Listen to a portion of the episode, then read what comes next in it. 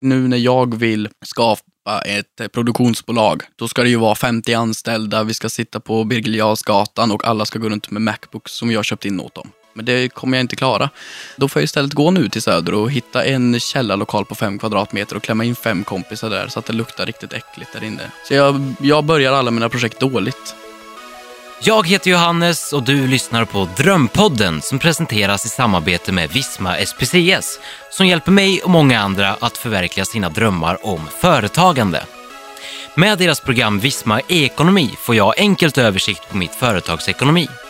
Programmet kan ta emot och skicka fakturor i alla format och med appen fotar jag smidigt av kvitton och informationen hämtas direkt till programmet.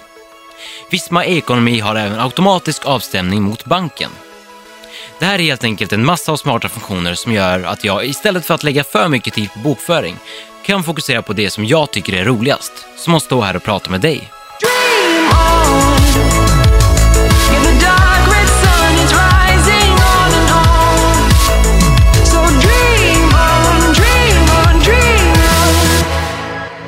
Hampus Hedström är värmlänningen som var frilansande trollkarl i sex år, tröttnade på det, ville istället bli komiker, satsade på en karriär på sociala medier och flyttade till Stockholm.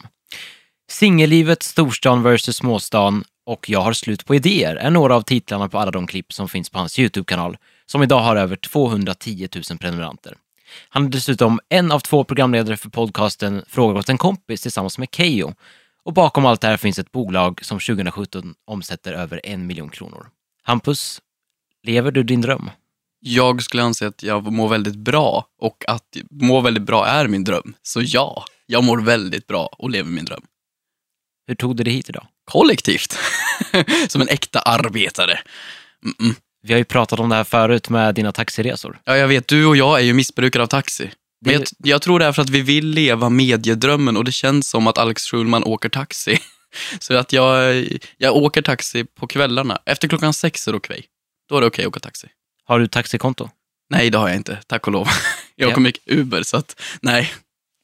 Jag har slutat åka Uber och åker taxi istället. Men du vill ju åka taxi i Stockholm bara för att det är Taxi Stockholm. Det är sant. Ja, det är ju, det är ju grejen att åka taxi. Det går ju inte fortare, särskilt inte den här stan. Nej, för det är också så här, om man är sen till ett tåg till exempel, Mm. då slänger man sig in i en taxi istället för att ta tunnelbanan. Men ofta så hamnar du i trafiken då. Exakt. Och då är du körd. Ja, Men du blev sen med klass. det är sant. Man glider upp där och... Och det är ju inte ens speciellt coolt att åka taxi, men det känns lite coolt i och med att både du och jag är från småstäder. Ja. Och där i Sunne fanns det i alla fall inte taxi. Jo, det fanns en tjej som hade en taxibil och hade ett taxiföretag i Sunne. Men nu har hon flyttat, så nu måste man åka en bit för att få åka taxi. Innan alla de här eh, taxiturerna då, Ja vart började allt? Vart eh, växte du upp? Jag växte upp i Sunne, i en röd villa med vita knutar och en kärnfamilj på en pappa, mamma och lillebror. Så, eh, så vitt och svenskt det kan bli helt enkelt. Eh, I en liten by, eller by, Sunne, en, ett, en metropol kan jag väl tycka ändå. Men fanns väl ungefär 5 000 till 10 000 invånare. Mm. Jag höll väl på med allt möjligt inom kultur och klarinett och dans och sång och hit och dit. Ville bara ha uppmärksamhet liksom. Så här. Ung, jobbig unge som bara ville synas och höras. Och sen så började jag trolla vid typ 12 års ålder. Och så typ gick jag vidare efter det och började köra shower. Började köra företagsevent och hänga på så här ski lounger och vattenparker och köra min show helt enkelt. Så jag startade lite bolag som 14-åring. Det här UF heter det, Ung Företagsamhet. De var lite schysst och tog in mig lite tidigare. Hur var det att driva ett UF-företag? Det var kul. Jag älskar UF. Jag har så mycket att tacka dem. De tog in mig lite tidigare så att jag fick väl kanske lite extra attention. Men alltså UF tycker jag att varje unge ska göra. Även om de inte bryr sig ett dugg om företagsamhet och de kanske bara ska jobba på bruket resten av livet tills de dör, så tycker jag fortfarande alla ska göra UF. För att du får mer ekonomikunskap där än du kommer få någonsin under hela skolgången. Samt du får faktiskt lära dig hur man säljer sig själv, vilket du behöver idag. Ingen, Vem bryr sig liksom om vilka utbildningar du går? Du ska kunna sälja dig själv också. Så jag tycker att alla borde gå UF. Vilken promotion. Verkligen.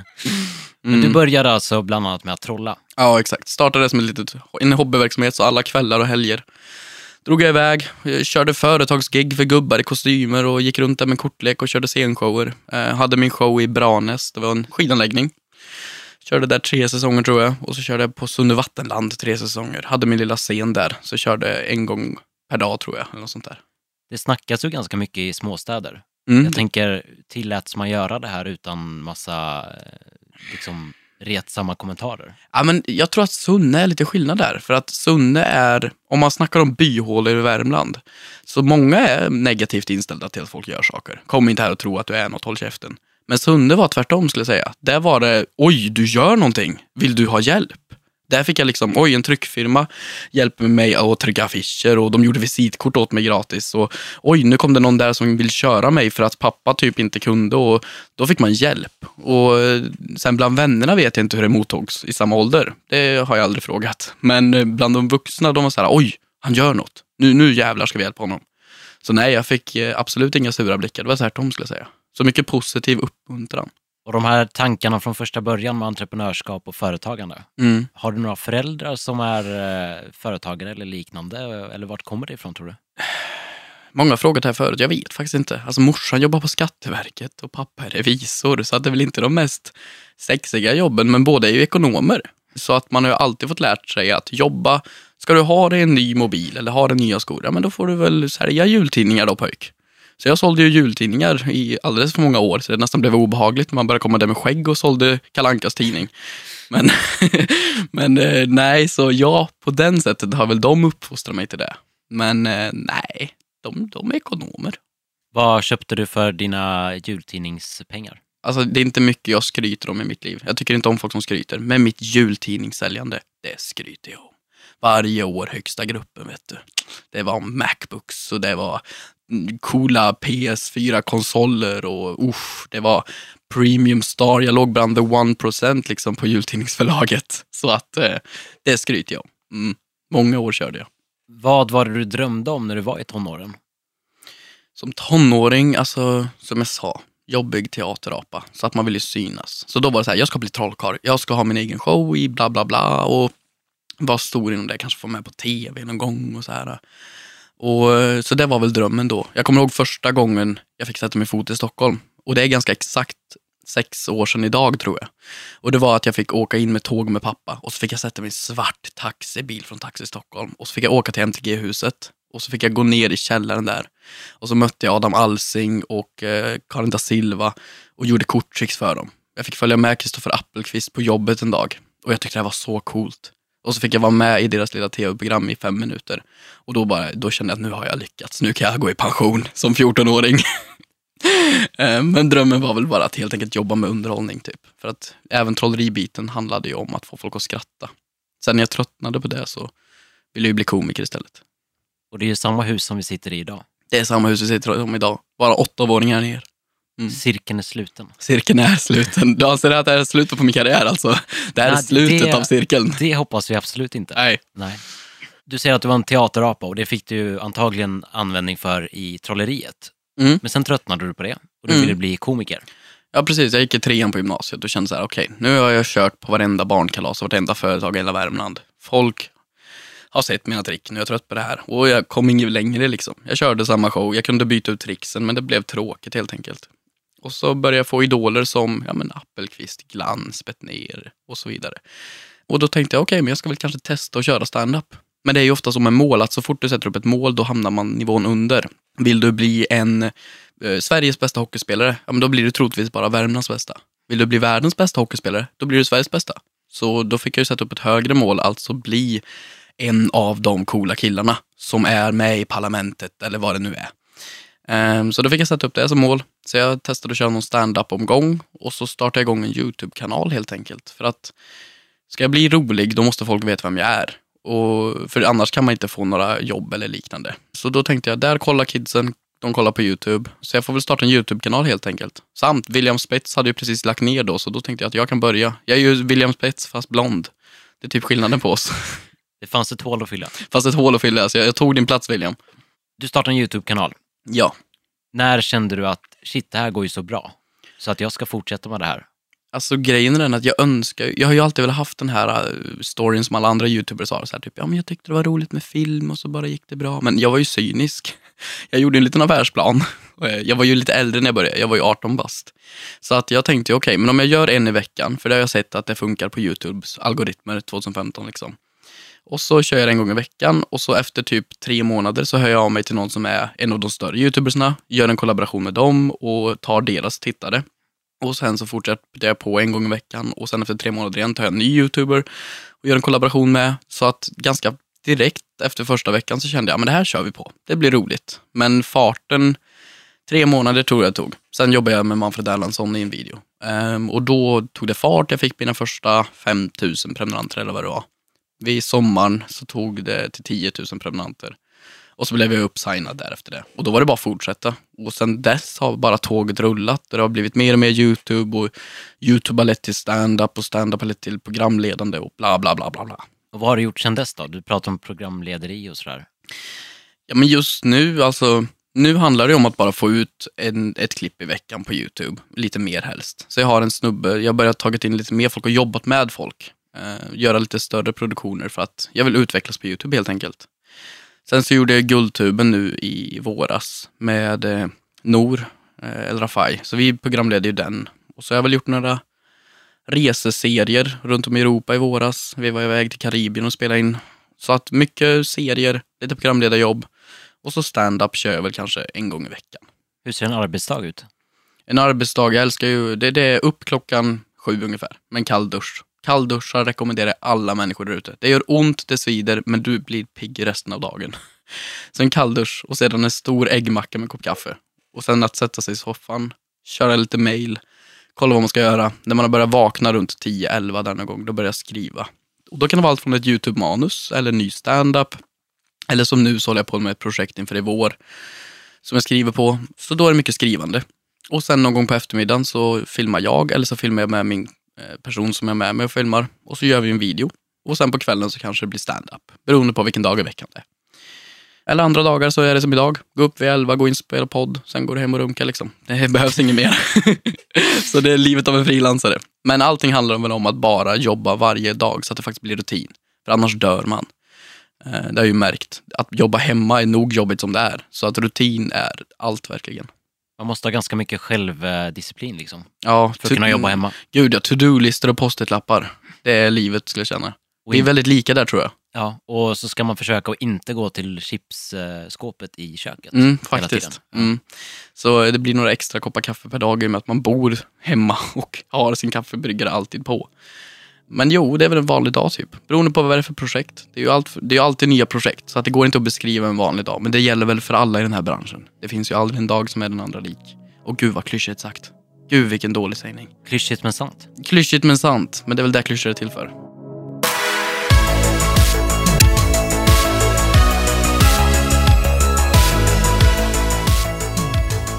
Det här är ju vad du sysslar med varje dag. Det här är vad du tjänar pengar på. Mm. Och om vi då har, har några lyssnare som inte riktigt förstår hur man kan tjäna pengar på att vara rolig på YouTube. Ja, nu känns det som jag är med i gammal media. Alltså varje gång man sätter sig i gammal media så kommer alltid frågan, men det här är kul och allt. Men hur tjänar du pengar på det? och det ja, men jag fattar den frågan och den kommer man få svara på en stund till. Det är ju influencer marketing. Det man läser om i Resumé och på Breakit och sånt där. Och det är väl så enkelt att jag har en kanal där jag har runt en miljon visningar i månaden. Och en miljon visningar i månaden blir folk glada över att annonsera på. Så dels har ju YouTube såna här pre-rolls som rullar och då finns det annonsintäkter på det. Men det är samma summa av en chokladkaka. Det är inte mycket pengar i liksom. Så mitt jobb är helt enkelt att partna upp, eh, göra samarbeten. Eh, så då ringer ett företag och säger tja tja, vi gör den här produkten. Och då säger jag tja tja, kul för er. Vill ni göra en video med mig? Ja, det, det kan vi göra. Och så eh, gör vi en video med dem. Så eh, mina tjänster, alltså det jag faktiskt tjänar mina pengar på, det är ju att ett företag kan köpa en hel video av mig. Och då blir hela videon, eh, i och med att jag gör humor, det är ju skämt jag skriver. Så då gör jag skämt om det på något sätt. Typ när jag gjorde med eh, Småa, det är sån här någon företagskassa. Då sa de, ja men vi vill få folk att fatta vad vi är typ, hos unga människor. Då skämtar jag i en eh, fem minuter om hur svårt eller hur tokigt det är att vara företagare. Att man inte får sjukförsäkring och man blir utslängd genom fönstret och gör massor med skämt och sen i slutet så pratar jag om dem. Eller så gör man bara en mention, att man bara pratar om dem i slutet av videon. Eller så marknadsför de på min Instagram. Den har ju en kvarts miljon följare så att då kan jag få ut dem där. Eller så är man medverkare man i någon annans produktion och då får de kanske högre tittarsiffror. Eller något sånt där. Så att jag säljer mig själv. Helt enkelt. Du är ju i högsta grad ditt eget varumärke. Ja, precis. Så man måste ju nog vara lite egoist i det här. För att veta att man har ett värde. Hur mycket tjänar du? Hur mycket jag tjänar? Fan, jag hatar den här frågan för det låter så jobbigt. Men eh, i och med att vi ändå håller på med en bolagspodd. Ja, men, eh, man kan ju kolla det på allabolag.se. Sant. Det kan man ju. Fast årsomsättning för 2017 är väl inte ute. Men nej, men det ligger så att jag har mig en riktigt god lön varje månad samt lite julbonus eh, i aktieutdelning. Det är väl som, som en egenföretagare måste ligga ungefär för att leva normalt och gott. Mm. Och du och jag brukar ju ofta när vi träffas börja prata om siffror och bolagsformer och eh, annat kul. Ja, vi är ju för lika inom det här. Det här är ju allt vi pratar om när vi sitter och snackar också. Ja, och om vi träffas tillsammans med andra kompisar Ja. så sitter de och himlar med ögonen. Ja, vi får ju ett eget litet crew. Om vi är crew på sex pers, det blir ju inte sex pers, det blir fyra pers och två pers. För vi Exakt. sitter i ett eget hörn. Det är faktiskt så det har varit på ett par fester i alla fall. Mm, faktiskt. Ja. Mm, men jag tycker det är intressant. Jag tycker faktiskt det. Ja, för det känns som att du tycker att företagandet är intressant och inte bara något liksom, nödvändigt för att du ska kunna fakturera, utan Nej, precis. Många inom den här branschen tycker ju det. Att det är liksom, ja men, ja, ja, jag skickar min hög till, med kvitton till min revisor och så är det klart. Och så typ en gång per år så ska jag typ skriva på ett papper. Men jag tycker det är kul. Jag tycker det är jävligt kul med det. Eh, och hålla på med allt från marknadsföringen till hur man ska eh, göra sin omsättning till vad man kan dra av och bla bla bla. Eh, så jag tycker det är väldigt roligt. Och det är ju du också. absolut. Mm. Men vad är det som driver dig? Det var en väldigt bra fråga du. Den har jag aldrig fått förut. Vad driver en? Alltså från början så var det väl att man ville, jag ville ju få folk att skratta. För jag tyckte det var så coolt att en person kunde gå in i ett rum och vika sig av garv. Och det var ju coolt. Och sen när jag gjorde det på YouTube då märkte jag att oj, folk faktiskt kanske sitter och skrattar på andra sidan av datorskärmen. Fan, gud vad coolt. Och sen när det började bli ett jobb och jag bara, oj gud, jag kan ha ett företag och jag kan få folk att skratta. Men gud, det är mina två favoritämnen liksom. Och så gör jag det till ett. Och att få gå upp varje morgon och eh, göra någonting kreativt är ännu mer så här, oj, jag får göra vad jag vill idag. Och det är varje dag. Vill jag eh, sluta med det här, då kan jag göra det. Då kan jag göra någonting helt annat. Så friheten. Friheten driver mig. Eh, samt att jag får uttrycka mig varje dag. Även om mina åsikter är fel eller om mina skämt är dåliga så får jag uttrycka mig, för någon lyssnar. Eh, och det är nog det som driver mig, skulle jag säga. Och det är många unga som ser upp till dig. Det vet jag ju inte. Folk säger det i mediesammanhang, men, men absolut. Det är många unga som kollar på mig. Ehm, det är det ju. Så ehm, jag har väl typ, vad är det, 36 procent 18 till 24 och 28 procent 13 till 17-åringar. Och det är hälften killar, hälften tjejer. Så att det är ju de som är födda från, ja men säg 90-talet till 00-talet som konsumerar mig mest. Vad får du för respons? Jag får väl blandad respons. Jag får bra respons, dålig respons. Eh, Det är väl som allting man lägger ut. Man får hat, man får kärlek, men eh, väldigt mycket positivt ska jag säga. Eh, Såklart man får lite nazister på sig om man säger något feministiskt, som alla får. Men nej, jag får väldigt bra respons i allmänhet. Jag måste ju fråga dig som är komiker också. Mm. Får man skämta om allt? Ja. Det är, den frågan är lite uttvättad på grund av att du får skämta om allt. Sen om du, du kan skämta om allt, det är en bättre fråga. Är du duktig? Kan du känna av ett rum? Kan du förstå vad folk kommer skratta? För humor ska vara överraskande, lite provocerande och ifrågasättande. Och det är ju helt enkelt som att ställa frågan, får man diskutera allt? Och det får man ju. Så att om, får jag skämta om eh, rasism? Ja, om jag kan känna av rummet. Och där har vi ju nackdelen med YouTube. Det är väldigt svårt att känna av rummet i och med att rummet är virtuellt. Det är ju varje människas vardagsrum, tunnelbana eller buss. Jag vet inte vilket stadie de befinner sig i mentalt, vad de åt till lunch eller om de har varit med om någonting hemskt. Så där är det mycket svårare. Så på standup-scen, då kan jag ju till exempel skämta om allt på ett annat sätt. För då kan jag ju känna av rummet, se vad de, eh, blir de glada, ledsna. Men på YouTube går ju inte det. Eh, så där får man tänka tre, fyra, fem gånger extra. Men på, som svar på din fråga, ja. Du kan skämta om allt om du är bra på det. Om jag är nog bra på det? Nej. Jag kan inte skämta om allt på grund av att jag är inte nog duktig på det än. Eh, den dagen jag är nog skicklig, då skulle jag nog kunna skämta om allt. Vilka ser du upp till? Ser upp till. Jag konsumerar väldigt mycket svensk media. Men i och med att jag själv, alltså det jag gör är ju ett produktionsbolag i och med att jag producerar för mig själv och dels för andra ibland. Vi gjorde ju en serie nu i våras eh, för, eh, ja men vi har satt via Free, som huset vi sitter i nu. Eh, så det gjorde en serie för. Och så gjorde en serie åt SJ i våras och sådär. Så jag producerar mycket. Så jag ser upp mycket till typ Felix Herngren. FLX-gänget.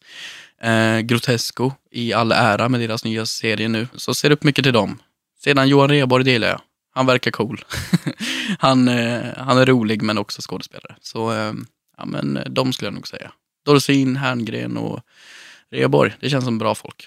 Oavsett om det är Hampus Hedström eller Henrik Dorsin så har ju alla mött motgångar i en karriär. Mm. Vad har du märkt av för någonting?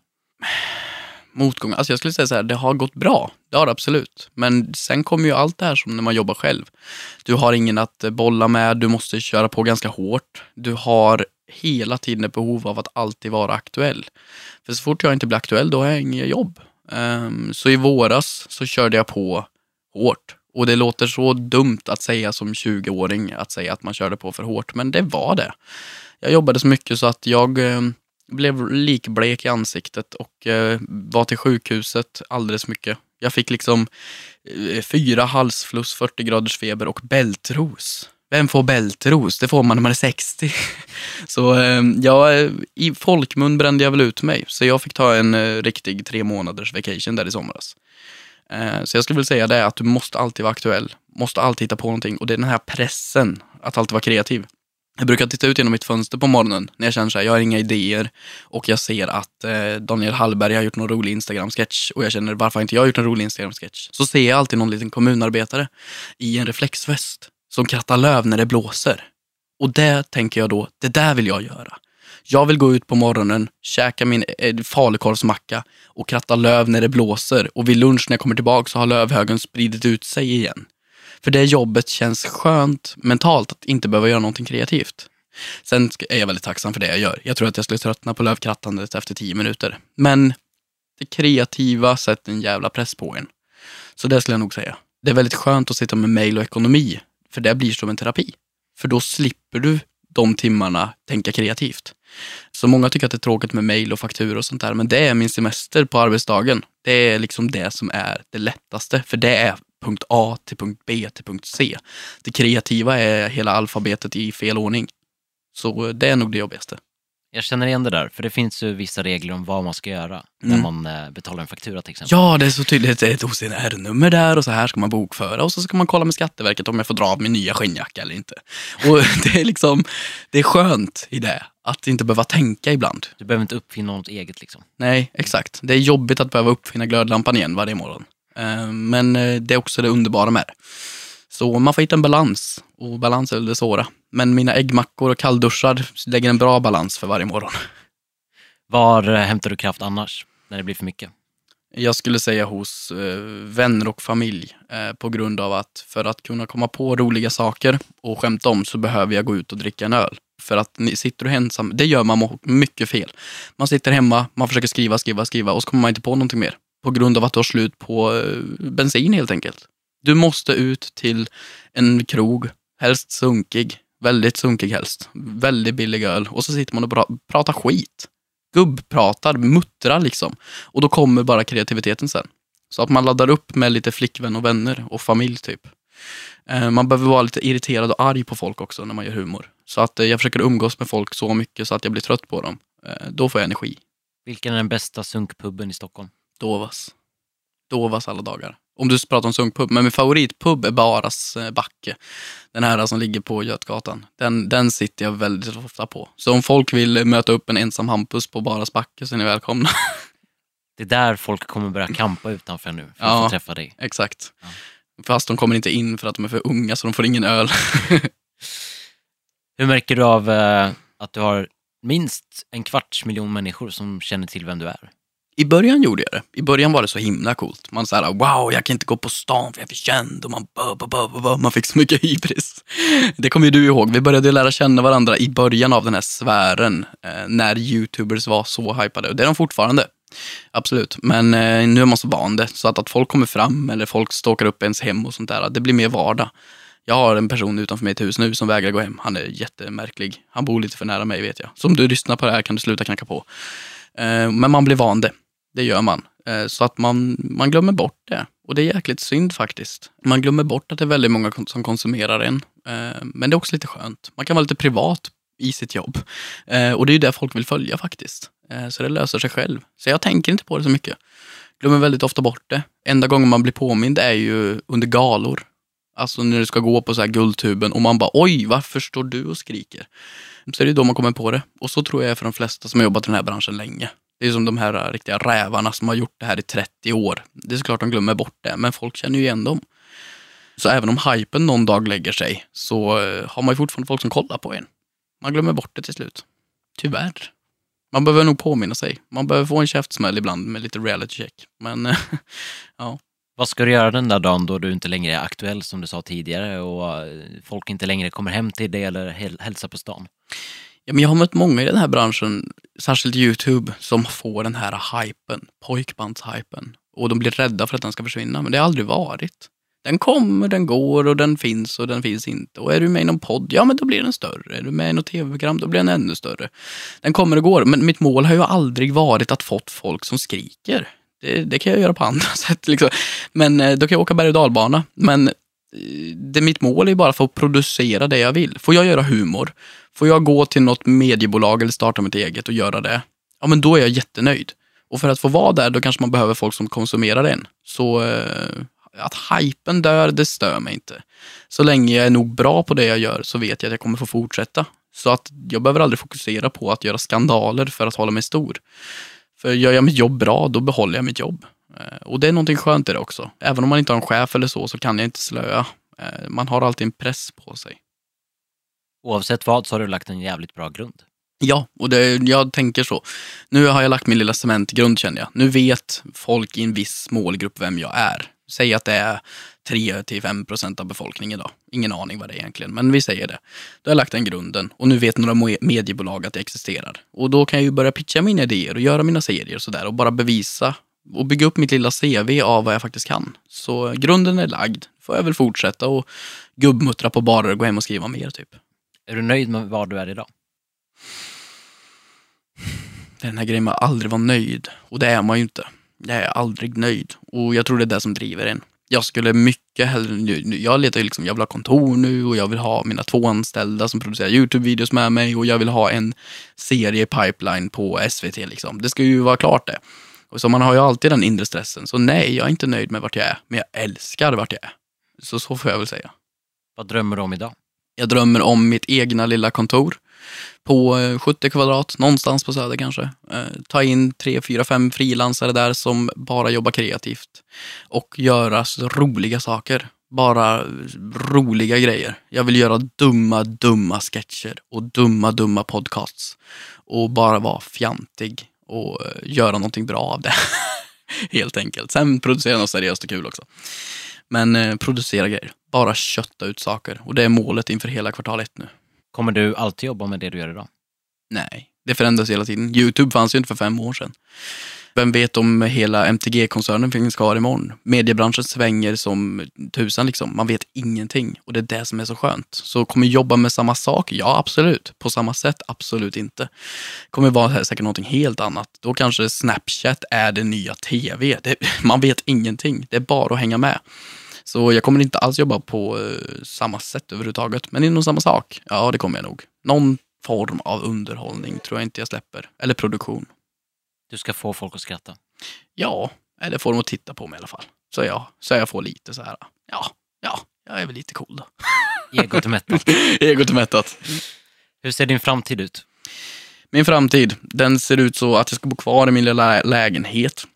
Eh, försöka måla om den tycker jag. Den är lite dålig färg eh, på lägenheten. Men sen så är det helt enkelt bara producera mer och ta in mer folk. Jag vill bygga upp mitt bolag. Nu har jag varit ensam i mitt lilla AB i några år nu. Eh, nu vill jag in fler i det. Eh, jag vill göra mer stand-up. Jag vill verkligen bli bra på det för att det känns som att jag vill kunna någonting på verkli i verkligheten också. Så eh, är jag bra på stand-up nu? Nej, men jag tror att man kan öva upp det mesta. Så det handlar om att kötta och se om man har talang för det. Jag tycker om att byta rum, alltså bli sämst på någonting. Youtube känner jag att jag kan nu. Det är så här, ja, jag vet hur man gör sketcher. Då får jag ta in fler folk så jag kan göra större sketcher, för det är jag dålig på. Då får jag ställa mig på stand-up-scen, för det kan jag inte heller.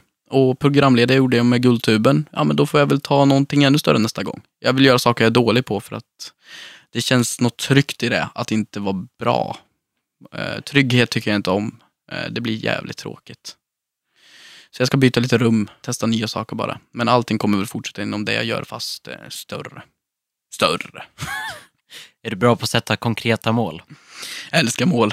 Ettårsplaner, femårsplaner, älskar sådana. Så mycket mål, mycket to-do-lists och kalendrar. Eh, Det är ju den här, eh, det är någon satisfaction i att planera och göra planer. Så jag gör mycket årsplaner och sånt där, ja. Uppfylls de? De uppfylls, det gör de. Eh, jag får ju se till att de uppfylls. Sen om jag missar något krav, då får jag ju nästa gång jag sätter en sån där lista göra det ännu hårdare. Tyvärr så är jag nog en bättre chef mot mig själv än vad jag är en arbetare. Jag är nog hårdare mot mig själv än vad jag kan ta.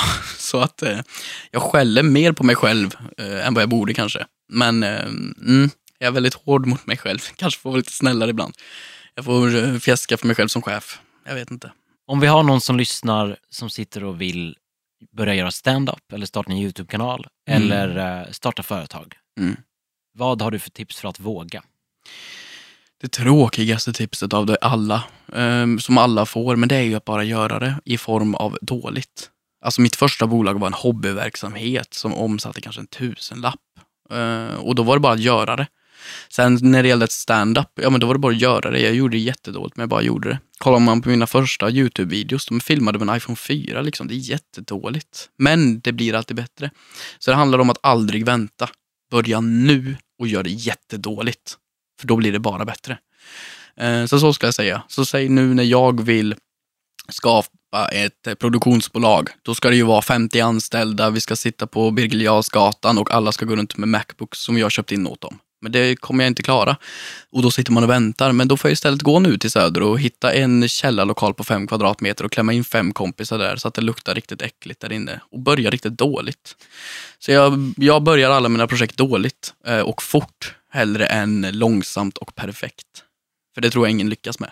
Man måste börja någonstans. Mm. Och det är sånt tråkigt tips, men det handlar bara om att, för ingenting är svårt. Vill du börja med stand-up, ja men gå in och boka en tid på någon dålig stand-up-klubb i Flen då. Eller vill du med en YouTube-kanal, ja men ta ditt eh, födelsedagskort du fick förra födelsedagen och använd som mick. Och så köper du en kamera från BR Leksaker. Börja där. Det är så alla börjar. Och det är det enda sättet att börja. Börja betyder ju att börja. Det betyder inte att börja där man slutar. Nike har ju ett ganska bra citat. Just do it. Ja, det har ju förstörts lite av den här memen. Nu kanske vi har äldre lyssnare, men det var en meme som var igång på internet för ett tag sedan som heter Just do it, med en kille som står och spänner sig. Så den, den promon har förstörts lite av den. Eller så har den höjts, jag vet inte. Det kanske var en viral trend som gjorde det bra för Nike. Jag vet inte. Det här ska jag kunna, jag ska vara sociala medieexpert här nu. Det kanske var ett PR-trick. Det kanske var ett P... Oh, då hyllar vi dem för det. Absolut. Mm. Fick, du, fick du ur allting du tycker att du borde fått ur mig? Eller någonting du vill trycka ur? Var hittar man det om man vill eh, följa dig? Du googlar Hampus Hedström och så har du mig. På allt som existerar från det vackra Facebook till Snapchat till eh, Wikipedia tänkte jag säga. till där man vill följa mig. Mm. Har du en Wikipedia-sida? Jag vet inte, har jag det? Ska jag googla lite snabbt? Du har en Wikipedia-sida. Ja men du ser, okej. Då kan man ju följa mig på Wikipedia då. Jag hade också en, Du hade? Men den blev borttagen för att den inte var tillräckligt relevant. Oj, kan de bli borttagna? Ja, det var någon som skrev den, men sen så bestämde någon på Wikipedia att den inte var intressant. Nej, okej. Ja, Wikipedia tar inte bort min Wikipedia-sida i alla fall. Det är med lite hybris. Min dröm är hur som helst att... eh, Ha en Wikipedia-sida. exakt. Och en Flashback-tråd. Åh åh, gud, nej, det, det, dröm inte om det min vän. Det kan jag lova dig. Har du en Flashback-tråd? Det kommenterar vi inte. Okej, Mm. jag får googla på det också. Ja. Tack Hampus för att du kom hit. Tack så jättemycket, så får du ha det så gött och alla som lyssnar.